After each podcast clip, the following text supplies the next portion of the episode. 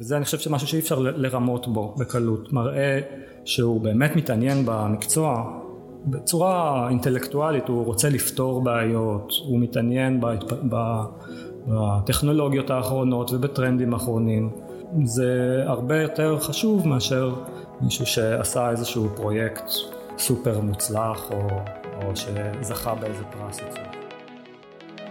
Press the radio button.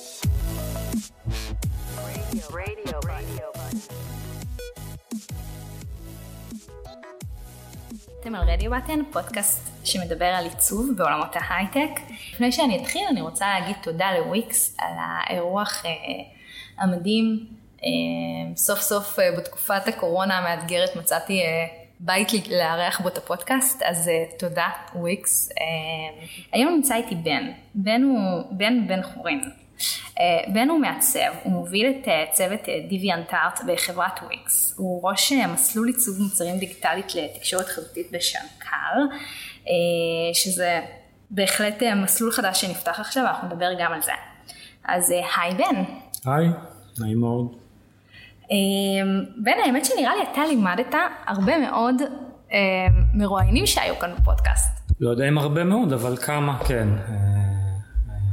מכיר הרבה מעצבים בארץ אם זה פודקאסט או בתעשייה שעברו בין היתר בקורסים שלי.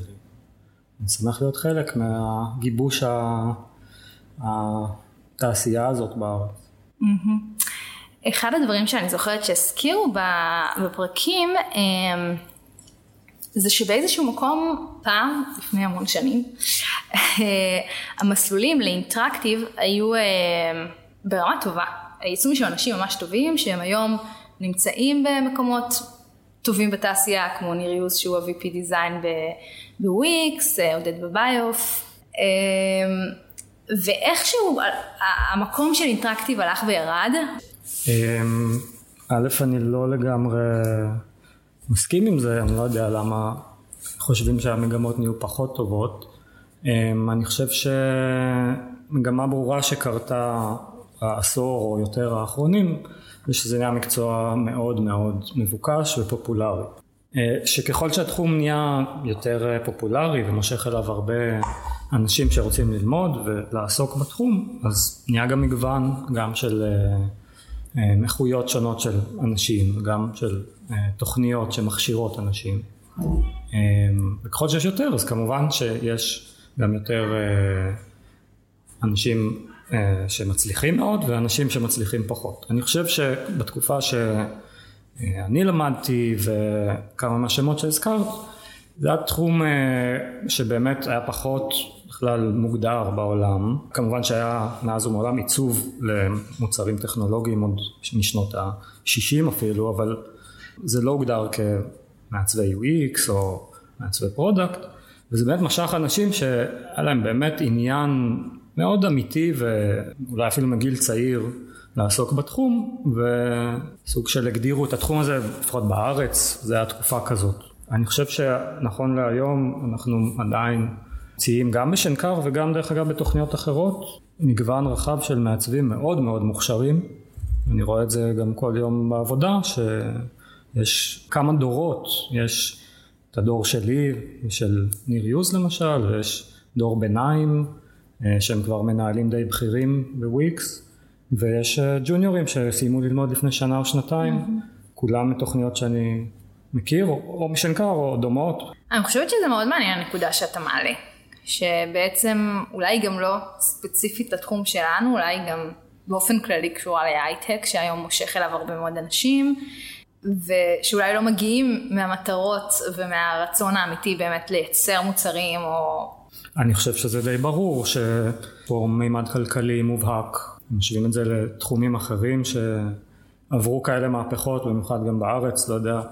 אם את אה, זוכרת את זה, אבל מתישהו בתחילת שנות האלפיים עריכת דין היה מקצוע שכל אימא יהודייה רצתה שהבן או הבת ילמדו עריכת דין ואחרי כמה שנים נהיה כזאת רוויה בשוק שזה נהיה מקצוע גם פחות מכניס וגם פחות מבוקש.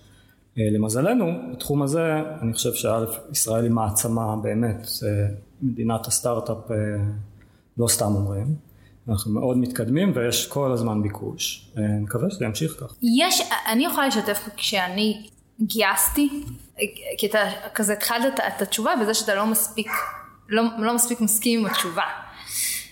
אבל אני יכולה לשתף כש, כשאני גייסתי וגייסתי ג'וניורים אז הפער בין מישהו שסיים עכשיו לימודים גם אם זה לימוד, לימודי עיצוב במקומות הכי נחשבים עדיין uh, הפער בין מה שלמדו למה שבאמת קורה ביום יום בתהליך פיתוח המוצר יש כאן איזשהו פער ש... שבסופו של דבר מי שסופג את זה, זה אני כמעסיקה או כל חברה אחרת, שבעצם צריכה לקחת את הזמן הכשרה הזה. על זה אני, זו טענה שאני שומע הרבה מכל מיני כיוונים, ואני חושב שלי יש תשובה על זה. אמ, אחד זה, נתחיל מהבסיס, שאני לא חושב שתפקיד האקדמיה הוא אמ, להכשיר עובדים להתחיל לעבוד ביום שהם עוזבים את הלימודים, לפחות בטח לא התפקיד היחיד, יש עוד הרבה תפקידים לאקדמיה שאולי אה, אנשים צעירים שרוצים באמת להתברג לה, מיד לעבודה במקומות הכי נחשבים לא מרוצים מזה אבל זה, זה לא תפקיד האקדמיה היחיד להכשיר אה, אנשים לעבודה מקצועית ודרך אגב אם משווים את זה לתחומים אחרים שקצת אפילו עוד יותר קל לכמת כי עיצוב זה תחום קצת אבסטרקטי לפעמים אבל אם לוקחים תחום כמו אמ, מדעי המחשב, מעטים האנשים שמסיימים תואר ראשון במדעי המחשב שמוכנים לעבוד כמפתחים בחברות הייטק. גם שם יש הכשרה רבה שהיא נופלת או על המעסיק או על הבן אדם, אם הוא מספיק אוטודידקט או מספיק משקיע.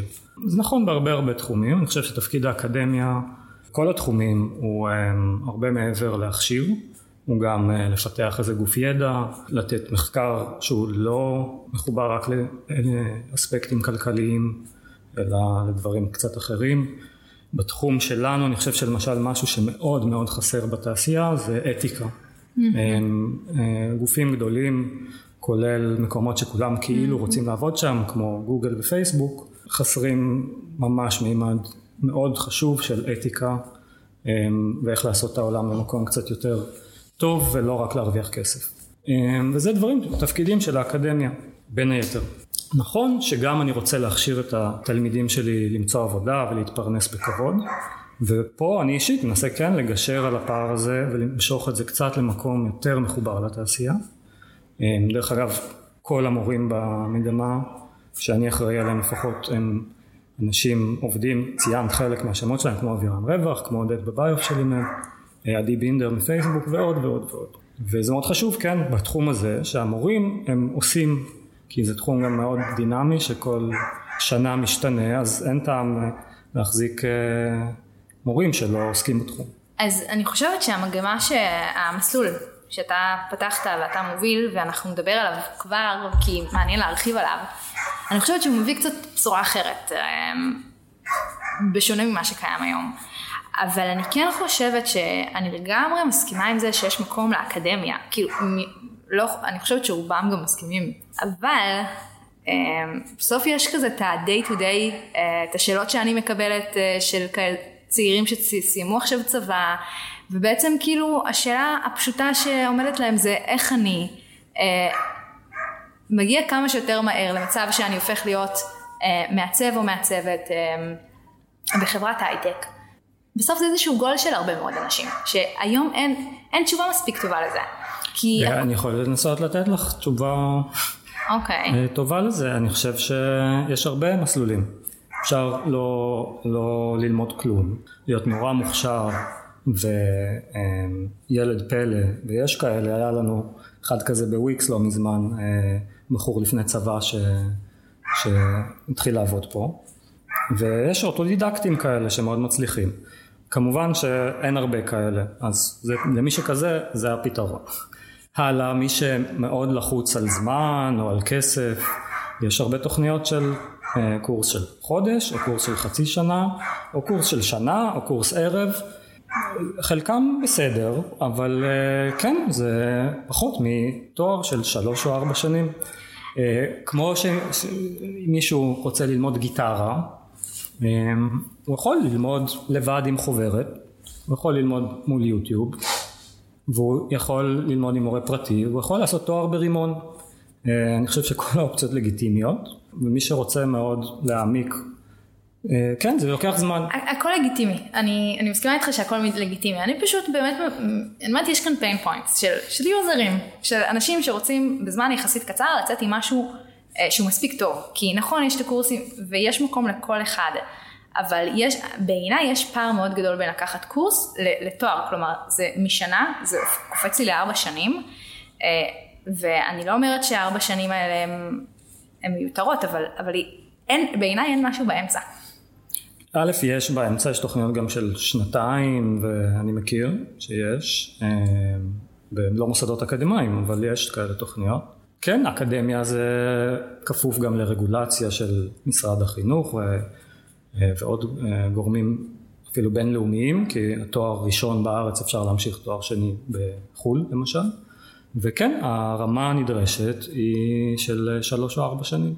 ואני חושב שזה מראה על הרצינות של התארים האלה. אז אתה לא חושב או רואה כיוון כזה שיקצרו את התארים לשלוש שנים? תארים אקדמיים כן. ל-BA? לא. אני לא רואה. אפילו לא לשלוש שנים, כלומר זה... שלוש או ארבע זה תלוי, כן? יש תארים ראשונים לשלוש שנים, זה נתון לפרשנות. אז אני מדברת נגיד על המסלול שלך. נכון לעכשיו אני חושב שהתוכנית של הארבע שנים היא כן נכונה, אמ, אבל כן, יכול להיות שאפשר אה, בעתיד איכשהו לעשות לזה איזה ורסיה קצת יותר מהודקת, אבל עוד פעם זה גם לא תלוי לגמרי ברמה של אה, מנהלי מסלולים כמוני, אלא זה באמת מול, אה, בגדול, מול המועצה להשכלה גבוהה, שזה גוף בכל זאת שמנוהל על ידי הממשלה. אני לא יודעת כמה אתה על הפייסבוק וכמה אתה בקבוצת וואטסאפ ואני מאמינה שאתה לא הרבה כי אתה מאוד עמוס. אה, אבל אני חושבת שהדיון הכי נפיץ זה כל פעם שמדברים על מה ללמוד, איך ללמוד, אקדמיה, אה, קורסים ותמיד בסוף אה, ההמלצה של הרבה מאוד אנשי מקצוע בתחום תהיה אקדמיה אבל, אקדמיה אבל.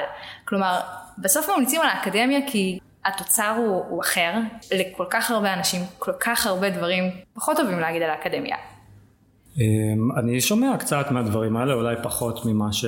מי שממש בפורומים האלה. אמ, דרך אגב זה נראה לי תופעה שעוברת על כלל האקדמיה בעולם, לא רק על mm-hmm. עיצוב. אני חושב שזה מגמה כלל עולמית של הדור הזה שהוא מונע קצת יותר מ... רצון להגשמה אישית בעיקר כלכלית. אה, וזה המצב. אה, אני חושב שהאקדמיה צריכה להמשיך לעשות את שלה לנסות כן, להתעדכן להתגמש אבל אני חושב שחשוב שהיא תשמור על מקומה דווקא לא כמנוע כלכלי בלבד אלא כמשהו שמקדם מחקר וידע אה, מעבר לצד הכלכלי. עוד פעם אמרתי אני מנסה כן בתחום שלי לעשות את הגשר הזה קצת יותר אה, קרוב אבל חשוב לי כן לציין שאני לא חושב שהוא צריך אה, להיעלם. אני חושב שזה נכון שיש איזשהו הבדל עדיין בין מה שהאקדמיה עושה לבין מה שהשוק עושה. טוב אני חושבת שביקרנו מספיק ובוא נדבר קצת על באמת על המסלול החדש שאני חושבת שהוא מביא איזושהי בשורה חדשה. בוא דבר ראשון באמת תספר על, על, על המסלול על במה הוא שונה מתקשורת חזותית ו... איך גרמת לזה לקרות? כאילו עם כל הרגולציה וכל הבירוקרטיה. אמ, אז המסלול החדש שהוא כבר לא האמת הכי חדש, אה, המחזור השלישי הולך להיפתח אה, שנה הבאה וזה באמת מסלול אה, כרגע ייחודי בארץ, המסלול היחיד שהוא ארבע שנים לעיצוב מוצרים דיגיטליים, UX UI. לאורך השנים שאני מלמד בתקשורת חזותית וזיהיתי, לא רק אני, אני והנהלת המחלקה, שתקשורת חזותית נהיה תחום אה, מפלצתי. זה לא כמו פעם, שזה הגרפיקה במיוחד לדפוס אינטראקטיב, נהיה מושן ואנימציה, אה, איור, אה, טיפוגרפיה מורכבת, כולל עיצוב גופנים ופונטים, כל מיני תתי תחומים.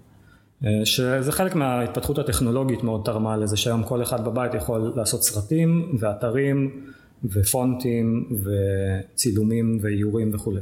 ומצד אחד יש, יש מגמה במחלקות האלה כולל שנקר לעשות התנסות רב תחומית שכל התלמידים הסטודנטים הצעירים יתנסו בהכל וירוויחו מזה גם uh, התנסות, גם ימצאו מה הם טובים, גם ימצאו מה הם אוהבים ואולי באמת ימצאו מקומם בהמשך בנישה מסוימת במקצוע.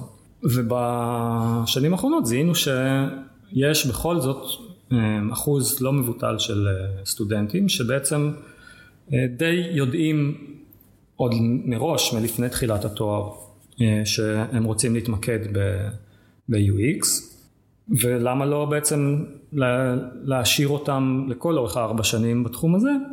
וטיפה פחות בתחומים האחרים, נגיד טיפה פחות איור, טיפה פחות רישום. אה, לשמחתי, אה, אחרי הרבה דיונים ואפילו כמה שנים של אה, ניסיונות לקדם את זה, זה צלח סוף סוף. והתוכנית נפתחה לפני כמעט שנתיים. ובעצם היא ארבע שנים שמשנה א' יש כבר תכנים של אינטראקטיב, כמו אה, אפיון ועיצוב למסך ודבר, ותכנות ודברים שקצת יותר ממוקדים באזור הזה, אבל עדיין בלי לוותר על אה, תכנים אה, כלליים של עיצוב, עיצוב גרפי, כמו טיפוגרפיה, כמו קומפוזיציה, דברים שלמשל בתוכניות קצרות כמעט ואין בצורה עשירה. זהו, אז איך באמת משלבים? כלומר, זה, זה קצת הצד ההפוך. כי... פשוט עושים גם וגם, mm-hmm. בגלל זה זה גם ארבע שנים, כי ככה יש זמן לשלב. יש מלא קורסים בעיצוב חסר פלטפורמה, אוקיי? לא עיצוב בהכרח למסכים או לאינטרנט. עיצוב, עיצוב בכלל, יש ערכים של עיצוב שהם, mm-hmm. לא, גם לא פרינט, כן? עיצוב, אה, פשוט עיצוב. אה, לעומת קורסים שמתמקדים החל מדברים ממש יותר אה, קונספטואליים, אה, פסיכולוגיים, מחקר משתמשים ועד עשייה באמת קרפטית של UI, פיקסל פרפקט, כלים חדשים. אז ניקח לדוגמה טיפוגרפיה, כמה זמן כאילו הקצבתם בקורס במסלול שלכם לעומת מסלול רגיל של תקשורת חזותית? בגדול כמעט אותו דבר. לא ויתרתי במסלול החדש על... אה, האמת שטיפוגרפיה זה חשוב. אני חושבת נכון, שטיפוגרפיה במסכים היא ממש קריטית. נכון, לכן למשל טיפוגרפיה כמעט אה, אותו דבר. אה, אז על מה כן ויתרתם? על דברים שקשורים לציור בגדול, אם זה איור, כן. יש איור, רישום, טכניקות, כל מיני כן, צבעי נכון, מים. גם, גם יהיו, בהרבה מהמקרים זה פשוט, בחברות זה בן אדם אחד שפשוט... אה, נכון. וגם uh, עוד פעם, יש uh, מעצבי אינטראקטיב או מוצרים שהם גם אוהבים לאייר והם אחלה מאיירים, זה לא הפוקוס של המסלול הזה, הם מוזמנים לפתח את זה בכוחות עצמם ולשלב מלא איור בעבודות שלהם, אין שום בעיה עם זה, אבל אין קורסים שלמים על איור. Mm-hmm. דיברתי עם אבירן על הקורס הזה ואמרתי לו, וואו, תקשיב, הייתי, הייתי ממש רוצה להיכנס, כאילו, להיכנס וללמוד, זה נראה לי פשוט חלום של כל מישהו שהוא במקצוע, פשוט להיכנס בארבע שנים ללמוד כמו שצריך את מה שרובנו למדנו סוג של על הדרך, כי עד היום לא היה באמת מסלול מעמיק שלימד את הכל. אה, אז אבירן אמר לי, כן, גם אני, אני ממש מקנא בסטודנטים שלי. אה, אם כבר ציינת את זה, אני חושב שזה באמת עוד דבר שאני חושב שהוא יתרון כן גדול של תואר. זה פשוט הכיף. אה, ללמוד ארבע שנים, בניסיון שלי, דרך אגב, הלימודים שלי, שאפילו לא היו אה, בפוקוס על, על אינטראקטיב, אה, רק זה עיצוב יותר תקשורת חזותית כללי בזמנו. זה היו ארבע שנים הכי טובות בחיים שלי כמעט, כי זה מדהים להיות בכיתה עם עוד עשרים ומשהו אנשים שהם שרופים על, על אותם נושאים שמעניינים אותך. בלימודים מאוד אינטנסיביים, בניגוד גם לתארים במתמטיקה שבאים להרצאות וזהו, שם נמצאים אה, כמעט 24 שעות ביחד אה, ועובדים ביחד, חלק בידיים גם, אה, עם ניירות ו... צבעים, זה, זה חוויה מאוד מאוד כיפית ומגבשת. אני חושב שזה גם יתרון גדול של תואר, בלי קשר למה מה, מה יקרה אחרי. לגמרי, אבל אני חושבת שיש הרבה שפשוט לא יכולים להרשות לעצמם את הכיף הזה. כלומר, לא לכולם יש משפחה שתוכל לתמוך בהם כלכלית בתקופה הזאת. אמ, בסוף אנחנו רוצים להנגיש את העיצוב. זה לצערי נכון שהלוואי שהיה פה השכלה גבוהה חינם כמו בחלק במדינות אירופה. מצד שני למזלנו אני חושב שמחירי השכר לימוד בארץ בכל זאת הם בגבול הסביר, לא כמו בארצות הברית נניח. אה, וכן, אה, נכון, את צודקת, יש מלגות, יש זה, ומי שממש לא יכול להרשות לעצמו, אה, אז יש עוד אופציות, נכון? יותר קצרות, עוד פעם, אני לא שולל אותן, אני ממליץ למי שבאמת שרוף על התחום, נראה לי שבכל זאת תואר מומלץ. האמת שאם אנחנו נכנסים לנושא הזה, אז נתון שדי הפתיע אותי, שדיבר על זה שאחוז של התלמידים, נגיד בשנקר נראה לי זה היה, ש... שהם לא מהמרכז, זה היה מספר ממש מצחיק. כאילו רובם בסופו של דבר זה אנשים שיכולים להרשות לעצמם ללכת, ל... שמתקבלים, אתה יודע מה, אולי בכלל שמתקבלים, זה טייפקאסט מאוד מסוים של אנשים. כלומר זה אנשים שיש להם משפחה שיכולה להרשות לעצמם את זה, שקיבלו שקיבלו מאז ומתמיד חינוך שהוא מאוד אה, איכותי. אמ, אני לא יודע לענות לך על אה, אחוזים וכאלה, אני לא יודע. אמ, אני יודע שדווקא בדקנו את זה לפני כמה שנים, כי אמ, היינו צריכים להוציא איזה דוח על ה...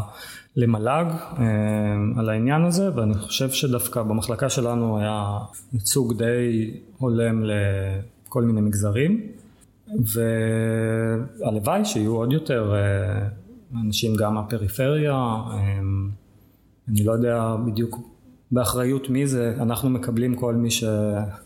שרוצה ומוכשר, אה, הלוואי שיהיו באמת מגוון רחב של אנשים. בוא נדבר קצת על, על בעצם איך הגעת לאקדמיה, מה ה-passion שלך, כי צריך הרבה passion בשביל להיות באקדמיה, כלומר שזה גם עוד נושא שאפשר לדבר עליו, המשכורות באקדמיה, כלומר זה לא באמת מקום, אם אנחנו מדברים על אה, אנשים שהולכים להייטק, כי זה היום מקום ששווה להיות בו, אז נראה לי האקדמיה זה, זה הצד ההפוך. אמ, נכון, המשכורות באקדמיה פחות אטרקטיביות, אבל אה, כן, זה, זה ממלא אותי במשהו אחר, אמ, חשוב לי. אה, התגלגלתי לזה די במקרה בתחילת הדרך. אמ, התחלתי כמורה, כמורה, כמרצה די צעיר, פשוט הציעו לי למלא מקום של איזה מרצה שעבר בדיוק אה, לחו"ל לאיזה תקופה, אז ברגע האחרון אה, מילאתי את מקומו ומאוד אה, נהניתי מזה. היה לי ממש, זה היה בתקופה שהייתי מעצב יחסית צעיר, שדווקא מאוד עסוק מחוץ לאקדמיה, היה לי סטודיו של עצמי, וזה דווקא פתאום נתן לי איזה, איזה רוח אה, במפרשים חדשה של אה, לשלב דווקא בין עבודה מול לקוחות אה, מאוד מאוד אינטנסיבית לדווקא להיות בקשר עם סטודנטים, ללמד. ואז עוד הייתי גם לא כזה רחוק מהגיל של הסטודנטים, אז זה היה גם כיף אה, פתאום לחזור, כאילו להיות קצת סטודנט, ודרך אגב ללמוד ללמד, התחלתי בפעם, בפעמים הראשונות שלימדתי, לא ידעתי כל כך מה אני עושה, ולמדתי תוך כדי, וזה היה גם כיף גדול. מגניב. אז איך בעצם התגלגלת לוויקס? אה, רוב הקריירה המקצועית שלי היה לי סטודיו שלי אה, ביחד עם שותף אולג מילשטיין. ואחרי כמה גלגולים שחלק מהזמן היינו יותר ספקי שירות וחלק יותר אה, יזמים ועשינו דברים של עצמנו הגענו לנקודה שקצת רצינו לחדש ולעשות משהו אחר. ובעצם הדבר העיקרי שהרגשתי שנשאר לי לעשות בתחום שלא כל כך התנסיתי בו זה לעבוד במקום גדול. לא רוצה להגיד קורפורט, אבל אה, גם האמת שוויקס אז עוד לא היו קורפורט, או לפחות לא בגודל כזה, והחלטתי, כן, שהגיע הזמן ל... לעשות משהו אחר קצת.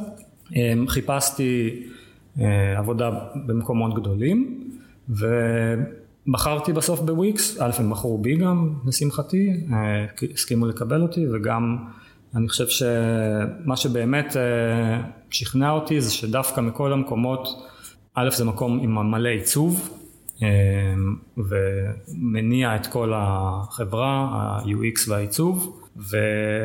וגם פשוט חברה מאוד כיפית אה, ולא מעונבת כל כך ובאמת מיוחדת בנוף של הגדולים. אני חושב שזה באמת שונה לגמרי מחברות אחרות מאוד מבוקשות, גוגל, מייקרוסופט, פייסבוק, אני חושב ש... ההיררכיה השטוחה. אני חושב שוויקס זה מקום כיפי, זה, זה לא סתם אולי שגם הוא ישראלי, הוא חברה ישראלית בניגוד לאחרות שהן בינלאומיות מהכיוון ההפוך. אז זאת חברה בינלאומית שצמחה פה ואני חושב שיש לזה איזה יופי אחר. דיברנו בתחילת הפרק על, על, על האקדמיה, על זה שבעצם אמרת שלדעתך האקדמיה לא צריכה להוציא מעצבים שהם יום למחרת יכולים להתחיל לעבוד. שאפשר רק על זה לדבר אה, פרק שלם, אבל נשאיר את זה שנייה בצד.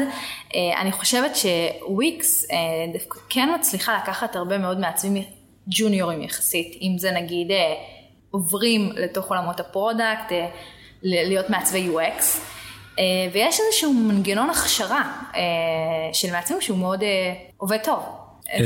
נכון, אני חושב שזה טבעי, אני רוצה להדגיש עוד פעם, אני לא חושב שהאקדמיה תפקידה לא להכשיר מעצבים, אלא פשוט זה לא תפקידה היחיד, אה, והתעשייה צריכה להשלים לפעמים חלק מההכשרה.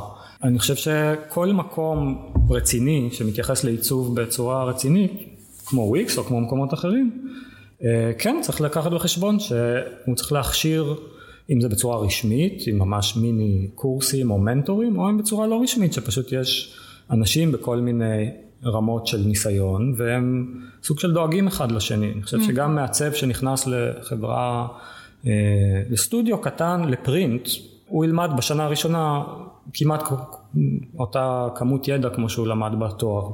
זה משהו קצת אחר, נכון, ללמוד uh, תוך כדי עבודה, כשוליה כמו פעם, אז היום לא קוראים לזה שוליות ומאסטרים, אבל אני חושב שזה כן מודל נכון, שקורה גם בוויקס, שנכנסים ג'וניורים והם בסביבה מאוד אה, עשירה של אה, ידע, אה, וזה טוב לכל הצדדים, זה גם כיף לאנשים הבכירים קצת להיות מנטורים וללמד, וזה בטח טוב לצעירים שממשיכים ללמוד. ובכלל אני חושב שעבודה כיפית ונעימה זה עבודה שלומדים בה כמעט כל יום, מה שדרך אגב לי קורה בימים הטובים זה עדיין קורה לי גם, אה, שאני לומד כל יום. האמת שגם אה, ניר יוז הזכיר בפרק איתו את החלק של ה-UX אה, שיש להם, כלומר איזשהו ספר שבאמת מהווה איזשהו onboarding לעובדים חדשים, אולי זה גם חלק מה, ממה שמאפשר לך, למעבר הזה להיות קצת יותר, קצת יותר... כן, יש הרבה כלים בתוך וויקס לעניין הזה, אם זה באמת ה-knowledge base המסודר עם עם ה-UX Book ועוד הרבה מאמרים וטמפלטים mm-hmm. וטוטוריאלס ואפילו אה, וידאוים מוקלטים אה, של כל מיני סדנאות ודברים שעושים. וזה גם אה, ההפריה הדדית בין האנשים, אנשים שמלמדים אחד את השני, אם זה גם בצורה רשמית, למשל סדנאות קוד ו-HTML ו-CSS שמעבירים, אנשים מתוך וויקס מעבירים לאנשים אחרים בתוך וויקס או אם זה יוזביליטי, אה, איך עושים, כל, יש כמה תחומי אה, ידע שמרוכזים אצל כל מיני אנשים והם חולקים אותם. אז מה בעצם אה, אתה כשאתה מגיע לגייס מעצבים, אתה מחפש, אתה מחפש במעצבים שאתה רוצה להכשיר וגם אני מאמינה שאתה גם מגייס מעצבים שהם כבר seniors וכאלה שאתה כבר רוצה שהם באמת ישר יפלו לתוך, לתוך העבודה, מה, מה בעצם אתה מחפש כשאתה מגייס? דבר ראשון אני, אני מחפש uh, חיבור uh, עם הבן אדם, זה דבר ראשון. אני חושב לפני תיק עבודות או לפני uh, רזומה תואר או לא תואר, uh, בן אדם שמרגיש שהוא גם אינטליגנט, גם מבין עניין במקצוע וגם נחמד uh, ונעים. Uh, ברגע שזה יש, אני חושב שאפשר באמת תמיד ללמוד ו- ולהתקדם אה, ואני פחות מאמין בכישרון מולד, אה, זה בטח שלא, אפשר ללמוד הכל. כן, צריכים לבוא עם, את יודעת, יש, יש המון, אז אני מעדיף את אלה שכבר יש להם איזשהו ניסיון, גם אם לא בלעבוד, אבל התעסקו, יש, יש תיק עבודות, אבל זה הפחות חשוב בעיניי. הכי חשוב זה פשוט להבין שזה בן אדם שיהיה נכון וכיף לעבוד איתו. שזו נקודה כל כך חשובה, שלפעמים כזה מעצבים מגיעים מאוד אה, לחוצים לרעיונות עבודה וקצת אה, שמים את הנחמדות בצד כי הם רוצים להיות בטוחים שהם מספרים את הסיפור בצורה הכי טובה.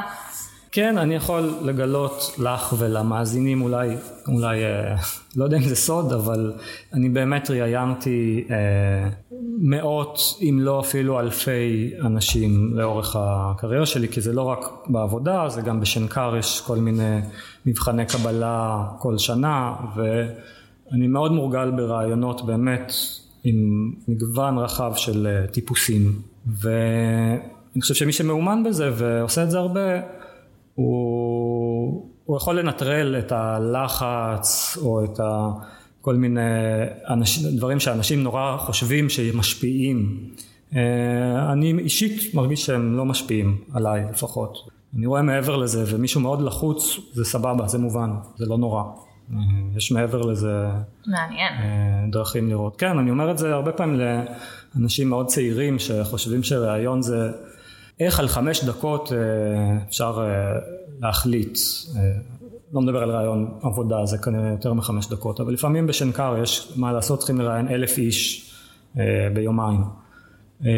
אז נכון שזה לא אידיאלי, הלוואי שהיה אפשר יותר, אבל גם מי שמאומן יכול בזמנים קצרים להבין בערך. אז תגלה את הסודות, מה, מה צריך לעשות בשביל להתקבל? בשביל לעבור ראיון, לא משנה איפה. אה, עוד פעם, אני לא חושב שזה... אה, אתה חושב שזה כן מולד? לא, אני חושב שזה תלוי באמת אה, בבן אדם, לא במצב רוח שלו באותו רגע, אני חושב שזה לא כזה משנה, אם הוא לחוץ או לא, זה תלוי מה הוא באמת מציג, אם הוא באמת מציג איזה פשן או עניין או פוטנציאל למשל ללימודים. אה, אני חושב שזה יותר חשוב מאשר להציג שהצלחתי כבר לפני הלימודים להגיע לכל מיני הישגים. כי בשביל זה באים ללמוד דווקא כדי לפתח את היכולות לא להציג אותם לפני. והרבה אנשים צעירים חושבים שדווקא תיק עבודות למשל של עבודות אה, מקצועיות כאילו עבודות באמת ללקוחות זה איזה בונוס. אני להפך חושב שדווקא תביאו לי תיק של קומיקס שעשיתם מגיל שלוש עד היום כל יום זה מראה לי על איזה פשן דווקא יותר עמוק אה, מאשר שתי עבודות שעשיתם ללקוחות. ואתה מדבר כרגע ספציפית באמת לרעיונות לשנקר. כן, אבל זה נכון גם בעיניי, גם בתחום העבודה. אני חושב שבן אדם שמראה, אה, וזה אני חושב שמשהו שאי אפשר לרמות בו בקלות, מראה שהוא באמת מתעניין במקצוע בצורה אינטלקטואלית, הוא רוצה לפתור בעיות, הוא מתעניין בהתפ... בטכנולוגיות האחרונות ובטרנדים האחרונים זה הרבה יותר חשוב מאשר מישהו שעשה איזשהו פרויקט סופר מוצלח או, או שזכה באיזה פרס עיצוב. ואיך אתה בוחן את זה? בשיחה, בדיבור על אה, אספקטים אה, של עיצוב מוצר. אנחנו נותנים תרגילי בית אה, שצריך לעשות וגם שם בדיוק הדיבור על התרגיל הוא יותר מעניין מאשר התרגיל עצמו. אה, אנחנו לא מצפים אה, לראות פתרון מושלם, זה פשוט לראות איך הבן אדם חושב ועובד והאם הוא באמת מתעניין בבעיה או במשימה. וזה אני חושב, עוד פעם, זה, אני יכול להגיד את זה כאן, כולם, זה מה ש... אתם צריכים לעשות, אני לא חושב שזה כזה קל לעשות את זה אם אתה לא באמת מתעניין. אי אפשר, אי אפשר uh, to fake it. ואמרת גם את החלק של הבן אדם, של מעבר לפשן, אתה גם מסתכל על הבן אדם שיהיה לך כיף לעבוד איתו. כן, זה גם מתחבר, כן, זה, זה גם קשור. אה, אני חושב שבן אדם שכיף לעבוד איתו, מעבר לזה שיהיה, לא, לא, לא בן אדם אה, רע או... אה, לא נחמד, גם חלק מהעניין זה שהוא יהיה איזה קונטרה אה, אינטלקטואלית, אה, שיהיה באמת שווה לדבר איתו, אפילו להתווכח איתו אה, על, דברים מקצועיים, ולא מישהו שהוא חסר איזה עמדה או say כלפי עיצוב, כלפי חוויית משתמש. אמרת שאי אפשר לזייף את זה, אבל מצד שני גם אמרת שהכל, שהכל אפשר לרכוש, ואתה לא מחפש כאלה שנולדו מוכשרים, אז אני כן אשמח שכזה, תגיד איך, איך אתה כן בודק את זה? כלומר, איפה אתה, בלי, בלי ששאלתי ענית, לדוגמה, ב... כששואלים אותך אז שיהיה לך תשוב, כאילו, תשובה כזאת שמסבירה ו, ולדעת להצדיק את הבחירות שלי, אבל באיזה עוד מקומות במהלך התרגיל לדוגמה אתם, אתה בוחן את זה? לכל אורך. התהליך אה, גיוס בוחנים את זה בכל מיני אספקטים. לראות האם הבן אדם למשל אה, מספיק אה, עשה את הריסרצ' שלו או, או נכנס למשימה הזאת באמת לעומק או בצורה מאוד שטחית ועוד פעם זה קשור בעיניי לא רק במה הבן אדם למד אלא עד כמה באמת המקצוע הזה עכשיו הוא חולם עליו בלילה גם, או שהוא פשוט רוצה... יואו, אתה מזכיר פתאום העלית לי את כל, כשהייתי בתהליך גיוס עבודה, זה היה באמת בערך חודש, התראיינתי לכמה מקומות, וכל לילה חלמתי על, כאילו, על תרגיל אחר, אז אתה אומר לחלום בלילה, אז אולי זאת אינדיקציה אם אתה נמצא... אני חושב שזה... אם אתה נמצא במקום הנכון. אני חושב שזה תופעה, באמת...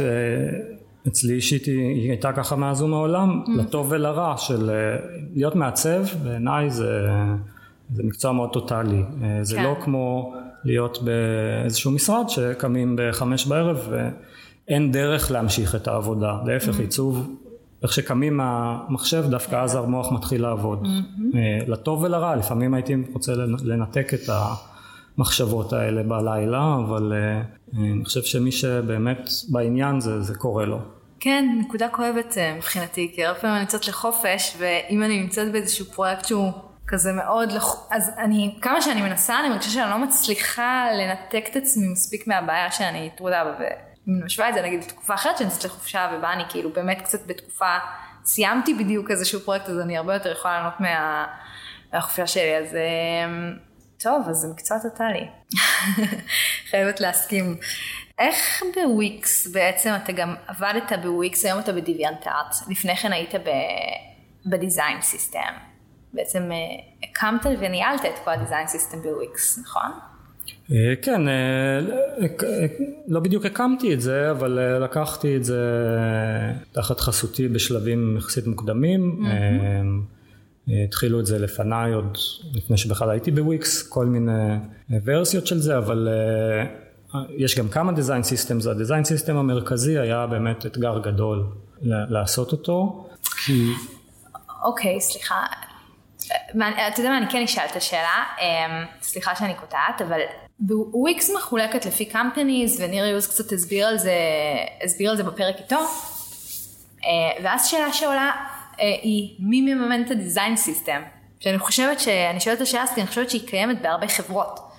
כלומר, יש כאן רצון לאחד את המערכת, יש כאן רצון, ל... יש, ברור לי מה, מה ה-impact של הדבר הזה, אבל מי בסוף מוציא את הכסף ומש, ומש, ושם את הכסף הזה על, ה, על המפתחים? כלומר, איך עבורך הייתה ההתנהלות הזאת? אמ, אני חושב שזה, תראי, רשמית זה היה באמת תחת קומפני אה, כללי, תחת הגילדה בהתחלה, ואחר כך קומפני של האינפרה. Mm-hmm. אני חושב שזה די מהר אה, הוכיח את עצמו ככלכלי פשוט, mm-hmm. אה, זה חוסך כל כך הרבה שעות אה, פיתוח ו- וגם שעות עיצוב, אה, שכשמשתמשים שוב ושוב באותם פאטרנים ואותם קומפוננטות. Mm-hmm. זה באמת אספקט אחד מאוד חשוב כלכלי של העניין. אה, אספקט לא פחות חשוב זה מבחינת אה, חוויית המשתמש, אה, המוצר של וויקס מורכב מעשרות מוצרים, למעלה מ-40 מוצרים, שהרבה משתמשים חווים אותם כמוצר אחד, כוויקס. לפני ה design system, שזה היה לא כזה מזמן, לפני ארבע שנים בערך, המצב לא, לא היה כמו היום. אה, היית נכנסת כמשתמשת לוויקס והיית מקבלת אוסף כלים, כל אחד מעולם קצת אחר, אה, קצת יותר במודל של כמו אה, סמארטפון, אפליקציות שונות, mm-hmm. אפילו מבחינת UI זה היה נראה ככה, היו, אה, היה מסך בית עם ריבועים כאלה, וזה התאחד להיות עכשיו אקו סיסטם אחד. ובעצם כל ה design system הוא בנוי על Sketch. יש כמה design systems, כן, המרכזי בנוי, אה, המופע שלו למעצבים הוא ב Sketch, והמופע שלו למפתחים ב-React, ויש גם מקום מרכזי לראות את הכל אה, ב Storybook, זה פלטפורמה לדוקומנטציה של הקומפוננטות גם מבחינת קוד וגם שימוש. ויש גם עוד design systems בוויקס למוצרים אחרים, וויקס אנסרס דווקא הם ב Figma. ויש איזו חשיבה להעביר את וויקס אה, ל Figma? אה, אנחנו כל הזמן חושבים על, על איזה כלים הכי נכונים לנו. אה, לאורך השנים. את יודעת, פעם עברנו גם מפוטושופ ל Sketch, זה גם קרה, פעם, כבר אנשים שכחו, אבל פעם לא היה Sketch, Figma, XD. אז כן, כל כמה שנים יש איזה שחקן חדש בשוק הזה, ושוקלים, אה, שוקלים אה, את היתרונות ואת החסרונות. פיגמה יש בעיניי כמה יתרונות בולטים מבחינת זה שהם אונליין וכלי מאוד קולברטיבי. בארגון גדול יש גם יתרונות אבל אה, לכלים שעובדים איתם כבר כמה שנים ומורגלים אליהם. Mm-hmm. יכול להיות שנעבור, אני לא יודע. כמעצב, אתה חושב שהדיזיין סיסטם באיזשהו מקום גם מגביל עיצובית אותנו הרבה פעמים? Um, לא, אני חושב שלא. אני חושב שזה בדיוק ההבדל אולי בין מעצבים או אומנים אפילו, mm-hmm. שרוצים להיות מאוד אה, אקספרסיביים. מרגישים שבמקומות כאלה הם טיפה פחות. אני חושב שדבר ראשון מעצב אה, בתחומים שלנו, מעצב טוב, הוא אה, מבין שהוא בסוף משרת מטרות אה, מאוד מוגדרות ולא את הביטוי העצמי שלו. אם הוא רוצה לעשות ביטוי עצמי שיעשה או אמנות או אה, פרויקטים שעובדים על מוצרים זה מה לעשות זה כולם נורא רוצים אה, כסף אז כן כשעובדים על מוצרים עושים כסף ולא ביטוי עצמי. אבל מעבר לזה אני חושב שגם באמת חוויית משתמש ו-UX הצד הפונקציונלי הוא, הוא כל כך יותר מעניין ועשיר שדווקא design systems בדיוק נותנות את החופש להתמקד בעניינים האלה שזה טיפה פחות מעניין. אז מה זה מבחינתך מעצב? שאלה מצוינת, אה, אני חושב שבכלל עיצוב זה מילה עצומה, במיוחד במאה ה-21 זה נהיה משהו כל כך אה, גדול, אה, יש גם הרי מעצבי מוצר לא דיגיטליים, מעצבי, mm-hmm. מעצבים תעשייתיים ויש מעצבי משחקים ו-VR ו-AR וכל מיני תחומים שממש לא היו קיימים כל כך לפני עשר שנים, בטח לא בצורה מסחרית וכל העולם. אני חושב שבבסיס עיצוב הוא בעיניי הוא חסר מדיום או פלטפורמה, אלא זה פשוט אה, מה שנקרא design thinking, אלא פשוט איזה דרך ליצור, אה, לגבש כל מיני פתרונות למטרות, ואז אם זה באמת פתרון, אפליקציה למטרה עסקית כזאת או אחרת, או אה, פתרון מוצרי של מייבש שיער אה, נוח ו... וזול, אה, כל דבר כזה זה עיצוב היום. ואם נכנסים קצת כן לזום אין על התחום שלנו, אני חושב שזה בדיוק מה ששווה להבין גם, שעיצוב חוויית משתמש או מוצרים דיגיטליים, זה גם מאוד דומה בכל זאת לעיצוב גרפי של קמפיינים או פוסטרים, שנכון זה טיפה פחות פופולרי בשנים האחרונות כי הפרינט אולי מת, אני mm. אישית גם לא חושב שהוא מת לגמרי, הוא פשוט תפס איזה נישה ליד עוד דברים, ו... ולכן אני מאמין שדווקא כן המגמת, המגמות ל... ללמוד עיצוב, עיצוב UXי, נכון שהם יישארו כן בעולמות התקשורת החזותית, mm-hmm. בגלל הסיבה הזאת, או בעולמות הפקולטות לעיצוב. ולא פקולטות לתקשורת או להנדסה. אמ, טוב, אז רק נגיד שגם ההרשמה למסלול שלך היא בעיצומה, נכון? כן, אמ, ההרשמה לשנה הבאה, לאוקטובר mm-hmm. 2021 בעיצומה. עד מתי? עד אה, סוף פברואר. אנחנו סוגרים את ההרשמה בסוף פברואר, ואז יש תהליך אה, קבלה במרץ-אפריל. אמ, אני מאוד סקרנית לראות את הבוגרים של המגמה הזאת, מרגיש לי שזה יביא איזושהי רוח חדשה ואני מקווה ש... אתה יודע, זה יתפשט לעוד מקומות, וגם אולי, אולי נלמד שאפשר, אולי ילמדו בצורה, אה, אתה יודע, אנשים יצביעו ברגליים שאפשר לעשות אה, דברים קצת אחרת באקדמיה.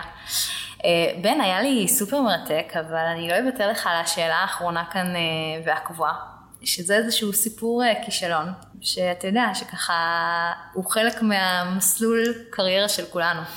חלק מהמסלול, אה, כל יום יש לי שלושה כישלונות לפחות. מה, לבחור כישלון מפואר אחד? לא חייב להיות מפואר. אוקיי, אני חושב שזה כישלון מתמשך אולי לאורך הקריירה שלי אישית קצת אה, קשה לשלב בין הצד הקרפטי של העבודה, הכוונה כאילו ממש לשבת על התוכנות, על, על, על המחשב, אני מול הפרויקט, לעומת לעבוד עם אנשים ולנהל וגם אני כבר בשלב בקריירה שאני פחות ופחות יושב מול המחשב וזה קונפליקט שקשה לי איתו מאוד, אני מרגיש לפעמים כישלון שלא בחרתי בצורה מובהקת באחד מהצדדים, כי יש אה, מעצבים אה, גם מאוד מבוגרים שהם עדיין, זה מה שהם, הם לא פתחו חברות ולא סטודיו, הם פשוט עושים את, את, את שלהם בידיים. אני יכול סתם לתת דוגמה של דווקא באמת בהיסטוריה, את יודעת, אה, טרטקובר או מעצבים לא, לא בתחום שלנו, אבל באמת עובדים 60 שנה בעיצוב ממש פרופר, בעשייה בידיים. לעומת כאלה ש, שגם הם אחלה, שהם פשוט אה, מפתחים ארגונים ומנהלים ו, ומכשירים, ואני עושה גם וגם, כן, אה, בשנקר יותר בניהול וההכשרה, בוויקס גם קצת ניהול, גם קצת עשייה, אה, ולפעמים כן, אני לא בטוח ש... שאולי הייתי יותר מאושר אם הייתי בוחר צד אחד מובהק, ואולי לא, אולי זה דווקא משלים אחד את השני. אני חושבת שבינתיים אתה מוצא את הדרך שלך גם uh, לתרום, לתרום לעולם הלאה, בזה שאתה, אתה יודע, מנהל ומייצר דברים שאולי אם היית רק בעיצוב, אז פחות היית יכול אה, להשפיע ולשנות. Uh, נכון, יכול להיות שזה טוב. עוד פעם, זה כלפי חוץ, אני מדבר יותר על פנימי, עם, mm-hmm. עם ה, פשוט העושר הפנימי שלי עם עצמי, לפעמים הייתי אומר, הייתי מעדיף. לשבת על אי בודד ו, ובאמת uh, ליצור, uh, כל היום ליצור, כי כן יש לי את הפשן הזה. ו... אני, אבל איך אנחנו יכולים בתחום שלנו לשבת על אי בודד וליצור? זה, אני מרגישה שכאילו אנחנו כל כך הרבה צריכים את ה collaboration, כי בסוף זה אולי קצת כזה אם ללכת עם ה passion שלך או לעשות את הדברים שיותר אולי פשוטים ויותר טבעיים. טוב, בן, היה לי ממש מרתק. אה, אני ממש מעריכה את הזמן שמצאת ככה בלו"ז העמוס שלך. אה, אז תודה רבה. אה, תודה רבה לכם המאזינים שהקשבתם עד עכשיו. אה, אני רוצה גם להגיד שוב תודה לוויקס על האירוח המגניב בסלון כאן על הים שלא רואים אותו עכשיו, אבל, סוף סוף מצאתי חדר להקליט בו בתקופת הקורונה המאתגרת הזאתי, אז תודה. מוזמנים למצוא אותנו באפליקציית פודקאסטים האהובה עליכם, להצטרף לקבוצת פייסבוק שלנו, ונשתמע בפרק הבא. ביי.